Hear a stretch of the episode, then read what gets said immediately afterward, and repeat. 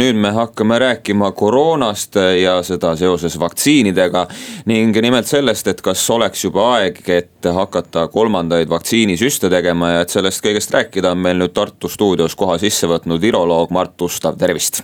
tere päevast. Öelge siis, kas meil on nüüd juba see aeg, millal võiks hakata vaikselt inimesi kolmanda vaktsiinisüstiga kaitse pookima? ma arvan küll aeg oleks juba aru saada, et äh, kahest süstist ei piisa pikaajalise immunoloogilise mälu tekitamiseks äh, ja sellega kaitse tekitamiseks. ja, ja tuleks tõsiselt kaaluda teiste riikide kogemustest nähtuvat, et äh, vaktsineerimine kui, kui nii-öelda protsess peab võib-olla selle viiruse puhul toimuma iga-aastaselt või, või veelgi sagedamini. aga siiski praegu on ju ilusti kirja pandud, et kui teine vaktsiinisüst on tehtud, siis vähemalt aasta aega peaks olema kaitset, kas see ei vasta siis tõele? No kuskohast siis seda teadmist küll, tähendab, see on lootus ja ootus, et vaktsiin töötab niiviisi. aga ei ole ju kõigil inimestel sellest esimesest vaktsineerimisest veel aastad möödas, nii et kuidas me saame loota sellele, et meil saab selliseid väiteid kohe algusest peale teha.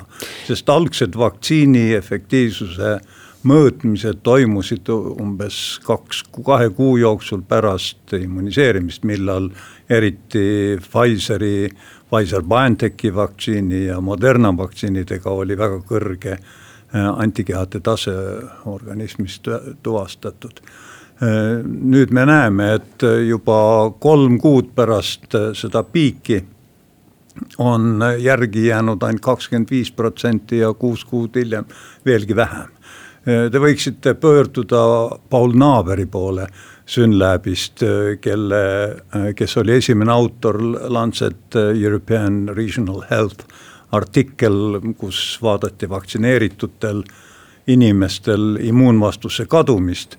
Ja seal on selgelt näha, et nii antikehade tase langeb inimestel, kes on vaktsineeritud, kui ka nende antikehade võime viirust neutraliseerida ütleme kuue kuu jooksul väga-väga oluliselt.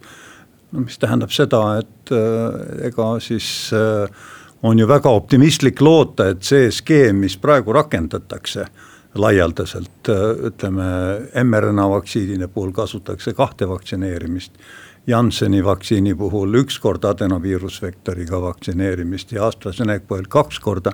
et võib-olla see, see protokoll ei ole optimaalne ja on siiski nagu tavaliselt mõistlik kasutada kolme etapilist äh, vaktsineerimise äh, režiimi ja kolmas oleks see, mis võimendaks ja tekitaks äh, kaitsva pikaajalise immuunvastuse viiruse vastu. kas võib öelda, et me teatud mõttes äh, nii-öelda leiutame asja tehes? et äh, tegutseme ja siis äh, saame targ-, targemaks inglise keeles, et äh, noh, mitte, mitte päris fake it till you make it nagu öeldakse osades kohtades.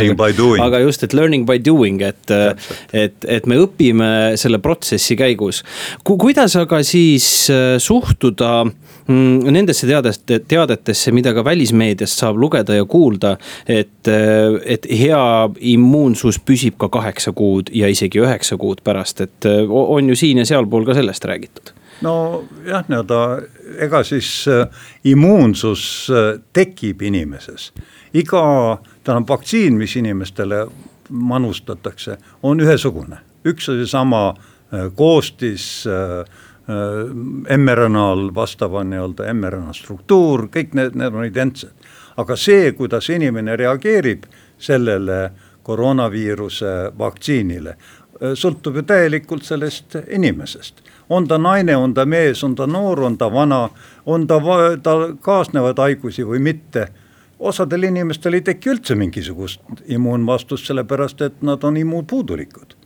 Ja nende puhul vaktsineerimine ei ole eriti mõistlik tegevus, sellepärast et et noh, noh pole immuunsüsteemi, kui seda ikka ei ole, siis ega see immuunvastus seal ka eriti ei teki. Noh, tähendab, see jutt ei ole päris nüüd lõpuni tõsi, sest võib tekkida ka rakuline immuunvastus, mis hävitab viirusnakatatud rakud, aga siiski antikehade mõõtmine on võrratult lihtsam ja seda kasutatakse biomarkerina inimese vaktsineerituse mõõtmiseks ja selle järgi seda asja aetakse, nii et ega siis see, et ühesugune vaktsiin ei pruugi erinevates inimestes ühesuguse reaktsiooni tekitada. see tuleb mingil määral siiski vaadata nii-öelda inimese vanust ja, ja, ja muid parameetreid. Ja kui te praegu vaatate statistikat, siis noh, ütleme näiteks võtad lahti tuhat vaktsineeritud inimest testiti ja umbes üheksa koma kaks protsenti oli seal nakatunuid. Äh, testiti kolm tuhat vaktsineerimata ja seal saadi nii-öelda ka kümme protsenti, kolmsada inimest olid positiivsed.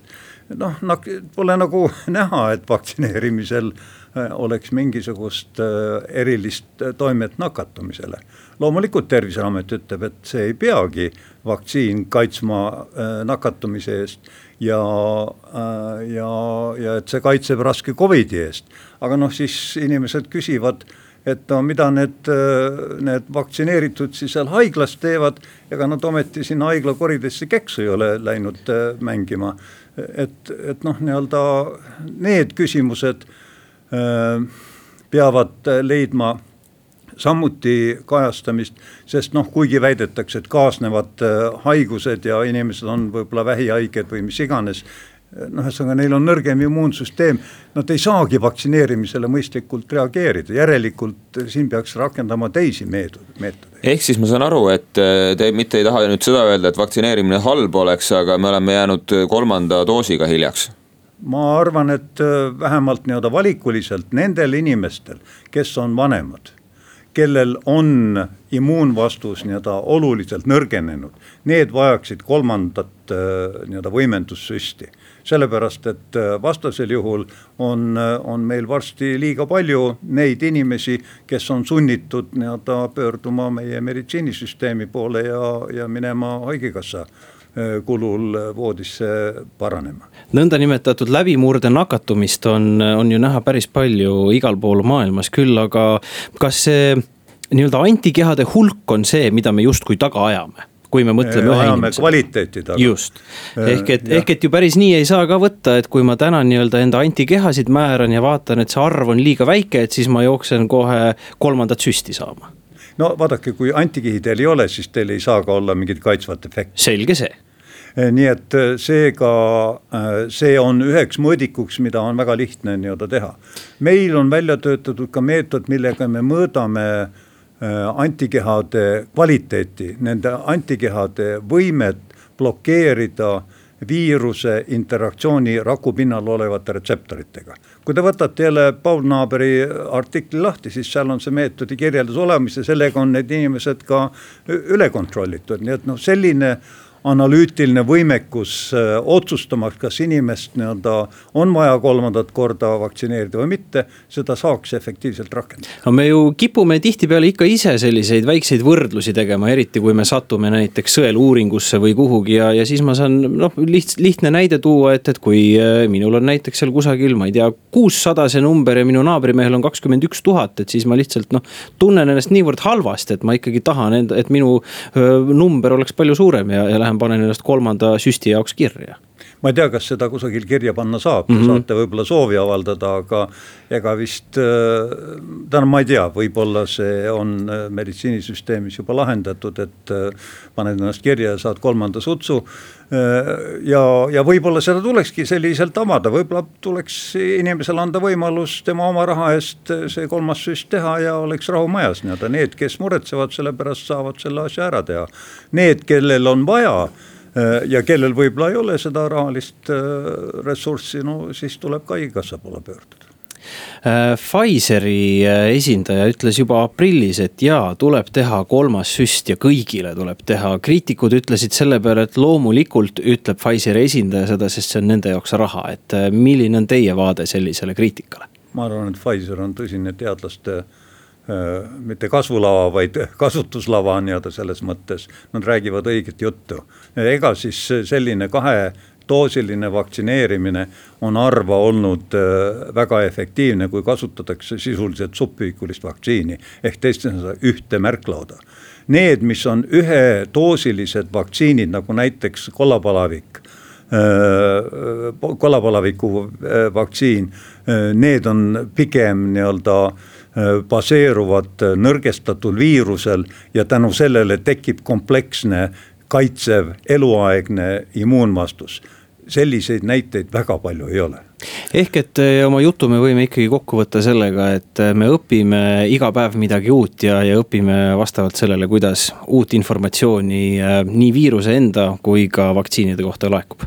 no mina parafraseeriks see, et me õpime elu lõpuni ja sureme ikka lollina. nii ta kipub ja, olema. Suur tänu, viroloog Mart Ustav. aitäh teile